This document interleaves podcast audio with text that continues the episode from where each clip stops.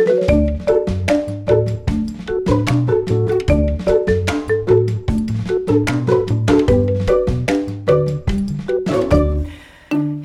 och välkommen till Blödigt värre med mig Johanna Powers Darlington. I det allra första avsnittet av den här podden som handlar om att leva med blödarsjuka så intervjuade jag bland annat Gustav som då var 23 år. Han var med för att komma med lite råd till en pappa till ett yngre barn och då om hur föräldrar kan hjälpa sina barn att eh, leva så normala liv som möjligt. Men en av de saker som jag minns allra bäst från det samtalet var det faktum att Gustav inte kunde behandlas profylaktiskt för sin blödarsjuka. Att hans liv inte var riktigt sådär som vanligt, som vi brukar säga att det kan vara för de som föds med koagulationsrubbning idag, med all ny behandling som finns. Och orsaken till det stavas antikroppar, det vill säga att kroppen attackerar proteinet i det faktorkoncentrat patienten får vid behandling. Det här vill jag veta mer om. Därför har jag åkt till Malmö för att träffa Jan Astermark som ägnar sin forskning åt antikroppar och blödarsjuka och som också forskar kring behandling med genterapi. Hej Jan och tack för att jag fick komma hit till dig i Malmö. Mm, tack. Eh, du är överläkare inom hematologi och koagulation på Skånes universitetssjukhus och professor vid Lunds universitet, stämmer det? Stämmer utmärkt. Jag tänkte att vi skulle börja med frågan om varför vissa blödarsjuka bildar antikroppar, eller inhibitorer som det också kallas. Vad är det som händer i kroppen? Mm. Det är en jättebra fråga, eh, men egentligen skulle jag vilja svänga på den. Och eh, egentligen skulle man ställa sig frågan varför är det så att inte alla hemofilisjuka pojkar som föds eh, med svår hemofili bildar antikroppar. Det är i själva verket så att de föds ju utan ett protein, faktor 8 eller faktor 9, som deras immunsystem aldrig har sett. Och när vi sen börjar behandla de här barnen med det här proteinet, ja då är det det normala svaret för immunsystemet ju att reagera mot det och se detta som något kroppsfrämmande. Och jo, skapa och bilda antikroppar som på något sätt vill göra sig av med det här som man inte har sett tidigare. Så att det konstiga är egentligen inte att en tredjedel av de svårt blödarsjuka bildar antikroppar utan det är egentligen att inte alla gör det och att 70 procent utav patienterna i själva verket inte bildar antikroppar. Har du fått några svar på den här frågan? där? Nej, eh, men man har ju under de här åren som har gått och eh, själv har jag ju då jobbat ganska många år i området och också forskat på det och vi har ju förstått mer och mer. Och man kan säga att vad man har förstått är ju att det är ett väldigt komplext system som styr om vi ska bilda antikroppar eller inte. Och vi har också identifierat väldigt många faktorer, framförallt på genetisk basis, som på något vis antagligen underlättar för de här antikropparna att bildas. Och eh, det, den gen som då är mest central i det här sammanhanget är ju naturligtvis den som är defekt. Faktor 8, faktor 9-genen. Och vad man vet är att på vilket sätt den här skadan är skedd. Eh, och om det genererar ett protein eller inte. Det vill säga att när man har svår hemofili så kan det vara så att man har en skada på sin faktor 8 eller faktor 9-gen som gör att man inte bildar något protein alls. Eller så kan man bilda delar utav proteinet eller hela proteinet men det fungerar dåligt. Och I det senare fallet är det ju så att då bildar kroppen någonting, den bildar ett protein som då kan kännas igen och som gör att när man sen ger det här preparatet i behandlingssyfte så är det inte helt nytt för kroppen det som ges. Man har sett delar av det åtminstone tidigare. Medan hos de patienterna som har en genskada som gör att man inte producerar något protein alls, där är risken högre. Så att den genetiska bakomliggande förändringen i faktor 8-9 den vet man har stor betydelse. Men det är väldigt komplext och det är det här som mycket av forskningen syftar till att eh, på ett bättre sätt kunna förutspå om man bildar antikroppar eller inte. Men som svar, enkelt svar på din fråga, nej vi vet idag inte säkert varför då 70% inte bildar några antikroppar medan 30% drygt gör det. Jag har förstått att det i huvudsak är de med svår hemofili som, som drabbas. Det stämmer, ja. Tittar man på en större grupp av patienter då är det betydligt mer förekommande för vissa typer av genetiska fel än vad det är för andra. Men går man till den, in, den enskilda individen så är det mycket svårare att säkert säga att du kommer att bilda antikroppar eller du kommer inte att bilda antikroppar. Och där har vi då försökt förstå mer vad det kan vara för faktorer och även kunnat hitta att många andra genetiska faktorer har betydelse för detta. Och forskningen har då visat sig att det är ett väldigt komplext eh, eh, samspel mellan olika immunologiska markörer, faktorer som på något vis tippar immunsystemet åt det ena eller åt det andra hållet. Till det kommer sedan också behandlingsrelaterade faktorer, det vill säga i vilket läge behandlar man patienterna och är immunsystemet på något sätt aktiverat även i det läget man behandlar. Det kan också ha betydelse. Personer som drabbats av antikroppar, inhibitorer, hur påverkar det deras livskvalitet och, och ja, möjlighet att leva som vanligt?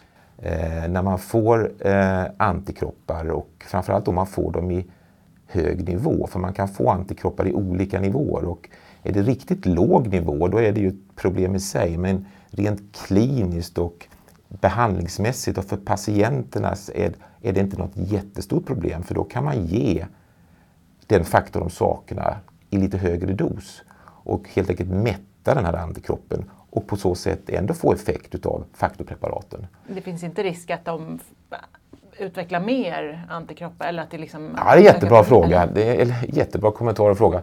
Och då har man kunnat se att ja, det finns en risk att om man har en antikropp i liten mängd till att börja med och sen ger mer utav faktorn för att då, vad vi då använder den för i det här syftet att immuntoleransbehandla patienterna, det vill säga göra dem toleranta. Då finns det en risk att man kan stimulera immunsystemet så att nivån av antikroppen ökar. Eh, så det är helt riktigt. Men å andra sidan är det väldigt mycket vunnet med att försöka bli av med antikropparna så att den behandling vi ger i det sammanhanget är trots allt av godo och i de flesta fall kommer också ha god effekt. Mm. Om vi går tillbaka till då hur, hur eh, personer som drabbats av antikroppar eh, blir påverkade? Ja, de patienter som har antikroppar i låg mängd, där är det inte något jättestort problem så tillvida att då kan vi ge mer utav faktorkoncentratet och helt enkelt mätta den antikroppen. Och när antikroppen är mättad och antikropparna har bundit faktor 8 eller 9, ja då kommer det finnas ytterligare fritt faktor 8 och 9 som kan verka. Och för de patienterna kommer faktorkoncentraten att ha fortfarande en, en ganska bra effekt. Problemet är när man har antikropparna i, i väldigt hög nivå, för då kommer vi inte kunna ge faktorkoncentrat och faktor 8 och 9 tillräckligt för att helt enkelt slå ut de där antikropparna. Och då kan ju inte de patienterna eh, behandlas på vanligt sätt. Och patienterna blöder också lättare och får mycket mer problem. Så det har påverkat eh, påtagligt eh, livskvaliteten för de här patienterna och risken för skador i sjukdomen också. Vilka skador kan de få? Ja, det är ju då blödningar naturligtvis överallt men framförallt är det ju lederna vid hemofilisjukdomen som skadas. Ehm, dessbättre skulle jag då säga i det sammanhanget när man inte har effekt utav faktorkoncentraten är att vi har haft andra koncentrat de sista decennierna som man kan ge det vi kallar för bypassprodukter. Och de fungerar ju på ett sätt som namnet antyder, det vill säga de bypassar bristen på faktor 8 och 9. Det vill säga att man behöver inte nödvändigtvis ha faktor 8 och 9 i kroppen utan man kan få en effekt och få en blodstillande effekt genom att man ger någonting som går runt problemet. Och då har vi haft två produkter som vi har använt genom åren. Det är aktiverade protrombinkomplexkoncentrat och det är rekombinant faktor 7A. Och de produkterna har i sig gjort mycket nytta och varit värdefull för de här patienterna med antikroppar, i själva verket helt avgörande. Som kombination till att försöka bli av med antikroppen i de processer vi kallar för immuntoleransbehandling. Nu har vi ju dock också de senaste två åren fått ytterligare ett preparat som har haft och visat sig ha väldigt god effekt på de här antikroppspatienterna. Och det är ju en bispecifik antikropp som man kan ge och som har till sin funktion att fungera som faktor 8. Det vill säga det går inte att ge det vid faktor 9-brist, hemofili B, men vid faktor 8-brist, hemofili A, så kan man med den här antikroppen ge någonting som inte är faktor 8, men det liknar faktor 8, har samma funktion. Och kan de här alternativa behandlingarna då till de som har antikroppar, kan de liksom jämföras när vi pratar om, om effekter med, ja, men med den traditionella behandlingen? Det har man då försökt titta på och vad det handlar om är egentligen då naturligtvis eh, kan man säga vilken faktor 8-nivå den behandling man ger med den här bispecifika antikroppen, vad det motsvarar hos en patient med antikroppar. Och det där är naturligtvis lite svårt för det är svårt att mäta, man kan inte mäta på samma sätt. Men man brukar säga att det ligger kring ungefär 15 procent faktor 8. Och det innebär då att när man har en antikropp, man får den här behandlingen med den bispecifika antikroppen, då ligger man konstant någonstans kring 15 procent. Men det innebär också att man inte får, som om man ger sig vanlig faktor 8-behandling, en topp som är högre än 15 procent, för det är ju det patienterna får när de ger sig det vanliga faktor 8-preparatet. Eh, utan man har istället en jämn nivå utan toppar och dalar.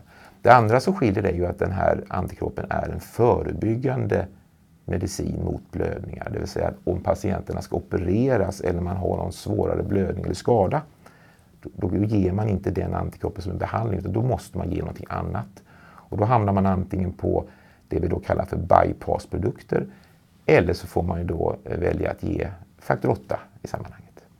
Just det, om det går. Om det går, ja, precis. Just det.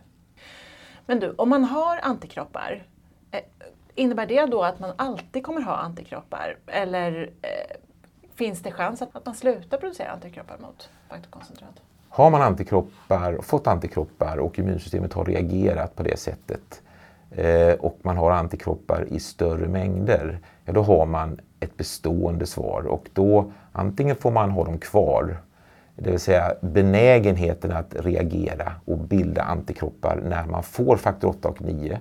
Eller så måste vi försöka behandla bort dem. Och då behandlar vi de patienterna i Sverige till exempel i princip alltid med någon form av immuntoleransbehandling. Det vill säga en behandling som syftar till att göra patienterna toleranta igen för faktor 8 och faktor 9-preparat. Och hur går den till?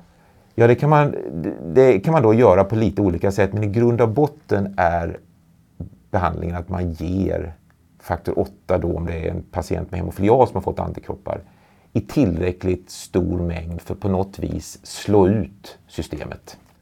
Kroppen till slut bara fattar att det är ingen idé? Ja, på något vis så förstår kroppen det. Det blir nedreglering. Och eh, dessbättre lyckas ju detta också i den absoluta majoriteten av fallen. Så för svår hemofilia, eh, en patient med svår hemofilia som har utvecklat antikroppar, så är det ju så att i 70-80 procent utav fallen så lyckas vi göra dem toleranta med så kallad immuntoleransbehandling. Som då är en behandling som dock kräver en hel del av patienterna. De kommer att få mycket behandling upprepade gånger, de flesta får det dagligen i höga doser. Så det är en stor belastning på familjerna och patienterna men utfallet är faktiskt oftast väldigt bra, det som man blir av med antikroppen och kan sedan fortsätta med vanlig förebyggande faktorbehandling. Under hur lång tid brukar man hålla på med det här? Då? Ja, det kan också variera. Det kan gå eh, relativt snabbt eh, på några månader men det kan också ta flera år. Är det dock så att man hamnar i den här gruppen som inte vill lyckas göra toleranta, ja, då är vi åter i det eh, läget att vi behöver förlita oss på de andra läkemedlen som finns. Och då är det de här bypassprodukterna och den här bispecifika antikroppen som nu har kommit som naturligtvis på ett betydande sätt har förbättrat läget för de här patienterna att skydda sig mot blödningar. Men har jag fattat det rätt att det, det är inte riktigt lika bra eh, skydd som faktor eh, 8-koncentrat? Nej, det blir det ju inte eftersom att ger man faktor 8 och man kan tolerera faktor 8, då kan vi ju, där är det egentligen bara frågan, en dosfråga. Vi, saknar man faktor 8, vi har ren faktor 8 eller 9, så kan vi ju ge det så att man får 100 procent och är helt normal som vilken annan som helst. Så det är bara en dosfråga. När man, ger, när man har antikroppar och inte får faktor 8, då får man ju någonting annat. Som på något vis försöker kringgå eller ersätta. Och där når vi idag inte normala nivåer. Så de patienterna har ett klart sämre skydd så tillvida än vad patienter har som inte har några antikroppar. Dessutom är det ju naturligtvis i lägena där man behöver behandla dem med blödningar och med operationer och kanske också för framtida behandlingsmöjligheter med genterapi och annat. Så att det med all sannolikhet är en fördel att man inte har några antikroppar som kan då försvåra det att få effekt. Kan du förutsäga vilka som kommer att eh, eh svara bra på den här immuntoleransbehandlingen? I nuläget har vi inte riktigt de verktygen men det är just det vi försöker titta på.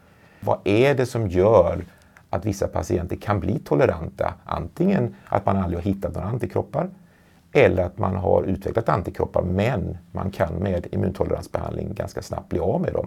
Är det någon skillnad på det helt enkelt egentligen?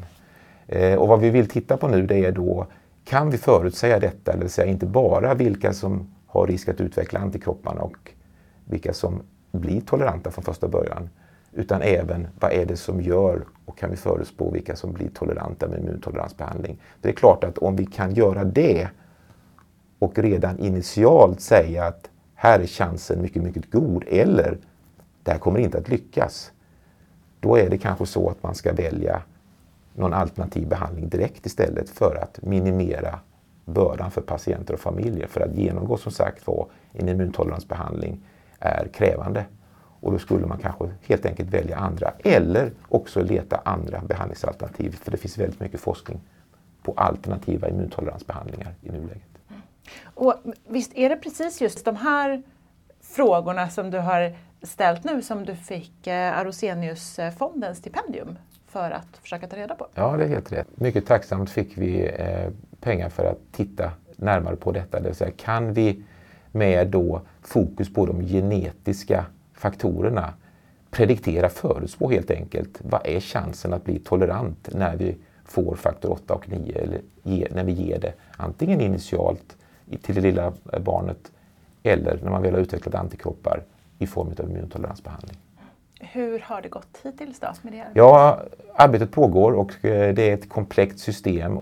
Förhoppningen är ju att framöver kunna få ett verktyg som kan guida oss i kliniken och också då på något sätt hitta rätt väg för patienterna så att det minimerar belastningen. Det kan också vara så att om man till exempel har en väldigt hög risk att utveckla antikroppar och kanske alltid kommer att utveckla antikroppar om man får faktor 8 och 9. Då kanske man redan initialt ska välja en annan väg just för att undvika det här. Just för att också kanske kunna preparera sig för framtida möjliga behandlingar som finns i pipelinen. Eh, precis, för du har också gjort tester med genterapi. Mm. Kan det vara en behandlingsform för dem med antikroppar? Ja, det är en bra fråga också. Och, ehm, eh, låt mig säga så här att genterapi är ju ett område där det pågår väldigt mycket aktivitet. Och, eh, i de studier vi har genomfört hittills så är det ju så att patienter som har utvecklat antikroppar de har inte fått vara med i de studierna. De har plockats bort. Eh, men det har startats upp studier nu på patienter med antikroppar. Och det finns också djurmodeller man tittat och kunnat se att ja, genterapi kanske i själva verket skulle kunna vara en ganska lämplig form för att behandla patienter med tendens att bilda antikroppar. Och rent teoretiskt är det inte så svårt att tänka sig det heller för att vad vi gör med patienter som utvecklar antikroppar är ju som vi har sagt ge dem immuntoleransbehandling och det är ju att vi vill ge den faktor de saknar i hög koncentration under lång tid så att man kontinuerligt stimulerar och i princip tröttar ut immunsystemet. Vad händer då om man gör genterapi? Ja, då ger man ju genen och då börjar det producera faktor, faktorn i kroppen. Och då sker det ju en kontinuerlig produktion så att det kan man säga blir ju en i kroppen genomförd immuntolerans eh, av sig själv så att säga. Och eh, i djurmodeller så verkar detta potentiellt kunna vara en väg fram. Det vill säga man har kunnat se gynnsamma effekter och att det finns eh, då hundar till exempel som har haft antikroppar där man har sett till att de har fått antikroppar, hemofilisjuka hundar och behandlat dem i genterapi där antikropparna har försvunnit. Så att ja, det är mycket möjligt men i nuläget så är det eh, så att antikroppspatienter inte har varit med i studierna. Vi vet inte idag om man kan bli aktuell för genterapi om man haft antikroppar. Men jag måste fråga, hur går det till genterapi? Ja, genterapi går ju till på det sättet att man eh, på konstgjord väg framställer genen som saknas. Så är det faktor 8-brist hemofili A, då har man ju en skadad faktor 8-gen själv. Vad man gör är att man skapar på konstgjord väg den här faktor 8-genen, men den kan man inte ge och spruta in rakt in i kroppen utan den måste bäras in i kroppen av någonting. Det är som någon typ av vektor eller bärarmolekyl. Och eh, den typen av bärarmolekyl eller vektor man då använder det är vanligtvis någon form av virus. Virus är ju eh, ämnen som för in olika typer av DNA eller RNA i våra kroppar och där till, därigenom skapa sjukdomar. Så vad man gör här är att man har tagit en vektor, man har gjort om dem, satt in faktor 8-genen eller faktor 9-genen och sen helt enkelt i droppform eh, i lite vätska låtit det gå in i kroppen. Och beroende på hur den här bärarmolekylen då ser ut och vad den har på sin lilla yta så hittar den rätt vävnader och hos hemofilipatienter, framförallt levern, infekterar levercellerna och där lämnar den av den här faktor 8 och 9-genen så att den går in i cellkärnan, lägger sig där och sen börjar den producera proteinet. Det är ju, låter ju helt fantastiskt vad man, vad ja, man kan, vad man har kommit på. Det är fantastiskt eh, och ehm, det här fungerar ju, det är ju utan tvekan så. Sen finns det väldigt många frågetecken fortfarande kring genterapi och nivåer och vad som förklarar att man får mycket eller mindre. Men eh, det fungerar absolut. Mm. Om vi går tillbaka då till vilka som har fått testa det här då? Det är patienter med både hemofili A och B. Eh, initialt eh, så började man med hemofili B-patienterna för faktor 9-genen lite mindre och faktor 9-proteinet är mindre. Och eh, det visade sig då fungera väldigt bra och då naturligtvis så började man jobba ganska snabbt med faktor 8-gener och hemofili A-patienter. Och nu är vi i det läget att det finns fas 3-studier, det vill säga studier som är precis före registrering inom både hemofili A och hemofili B. Och då har de fått den här behandlingen och sen blivit eh, helt bra, eller vad? De har fått behandlingen. Sen är det så att eh, det är en variation i svaret. Ehm, vissa patienter når väldigt höga nivåer, mer än vad man behöver normalt. Andra når lägre nivåer. Och eh, exakt vad som gör att man hamnar här eller där, ja det vet man inte idag. Så det är en av de sakerna med genterapi som vi måste förstå bättre. Det vill säga, vad är det som gör när man får den här virusvektorn eh, som gör att kroppen svarar med ett väldigt bra produktion utav faktor 8 och 9 och vad är det som gör att man inte gör det. Okej, men ni är inne i fas 3. Det har testats på människor. Eh, vad är nästa steg nu då? Kommer det bli en godkänd behandling snart? Ja, vi vet, vi vet ju inte riktigt eh, om och när så blir fallet. Eh, det är eh, en typ av virusvektor som, eh, och behandling som har lämnats in till myndigheterna både i Europa och USA. De eh, fick då besked om eh, att de behövde komplettera och vi får väl helt enkelt se, det förväntas någon form av utlåtande från den europeiska myndigheterna kanske i början av nästa år som eh, på något vis ger en, talar om om det, de ser det som en alternativ medicinsk behandling framöver eller inte. Vet man någonting om hur det här fungerar på längre sikt? De flesta patienterna som får ett svar bibehåller det under, som det har hittills ser ut, flera år. Och, eh, de första studierna inom hemofili B som publicerades, det är nu tio år nästan som de patienterna har gått med sin behandling och har fortfarande produktion av faktor 9. I fallet hemofili A så har man inte kommit upp i tio år men där finns det till exempel femårsdata nu som talar för att svaret finns kvar.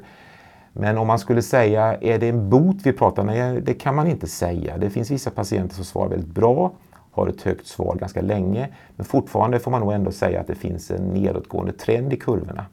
Så att på sikt här eh, så finns det en risk att man tappar svaret och får helt enkelt återgå till sin vanliga behandling med den nuvarande behandlingen. Man kan inte göra genterapi igen då?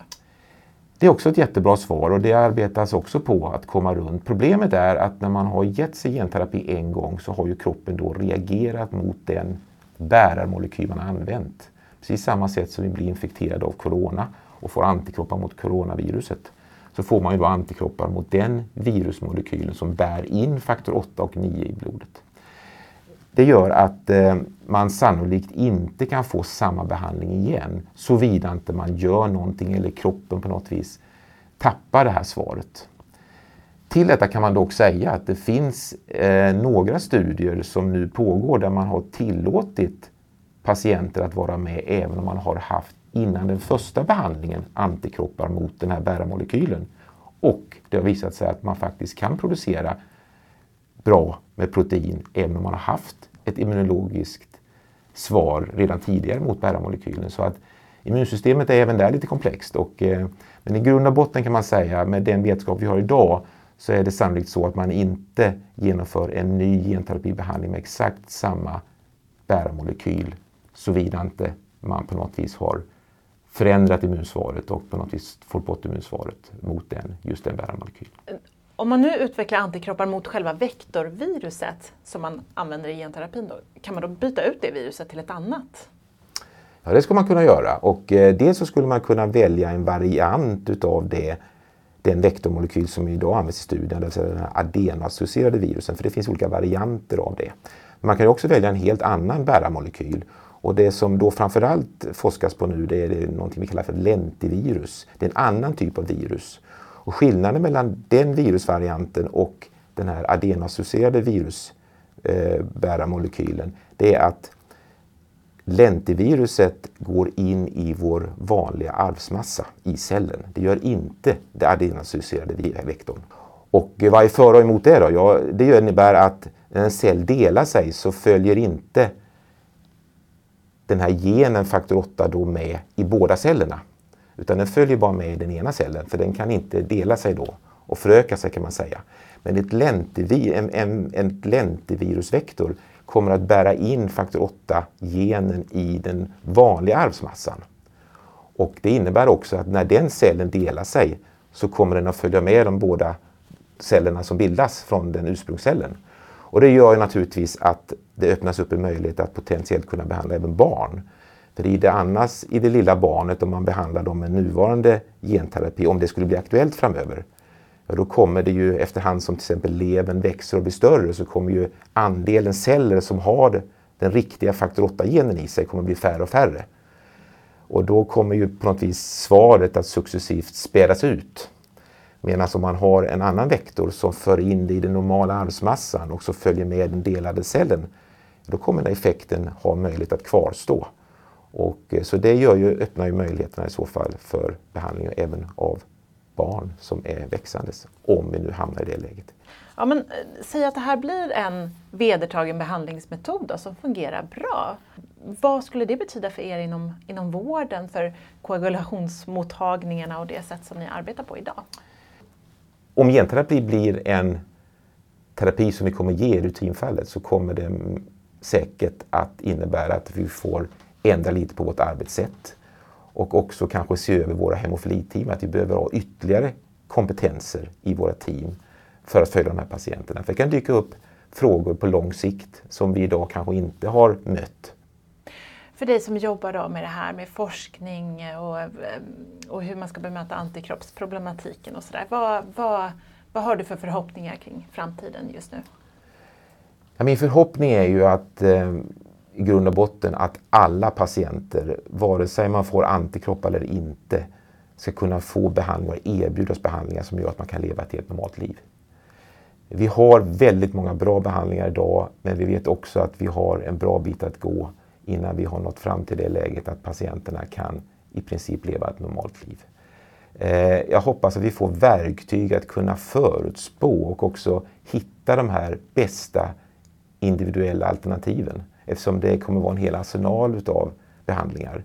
Där vissa sannolikt lämpar sig för vissa patienter av olika anledningar, rent medicinskt eller att man som patient också föredrar en viss typ av behandling. Och hur känns det för dig att arbeta med det här? Det känns väldigt stimulerande. Det är ju ett område där det har hänt enormt mycket under några decennier. Man kan bara titta tillbaka så fanns det ju, för hundra år sedan fanns det ju ingen behandling alls. Och nu har vi liksom en uppsjö av behandlingar och det pågår en, en fantastisk massa forskning runt om i världen på att hitta nya och bra behandlingar där målsättningen i, i själva verket handlar om att göra patienterna helt friska från sjukdomen. Eftersom det är en gen som skadas och ett protein som, som, som saknas. Tack Jan för att du berättat om era framsteg. Tack så mycket. Jag är säker på att många som lyssnat också vill tacka dig för ditt arbete och för att det gör att de kan se positivt på framtiden. Tack.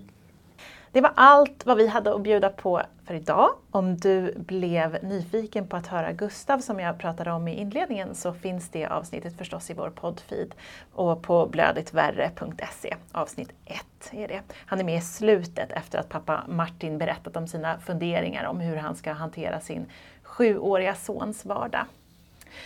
Innan jag säger hej då så ska vi också tacka CSL Bering för att ni gör den här podden möjlig. Hej då på er!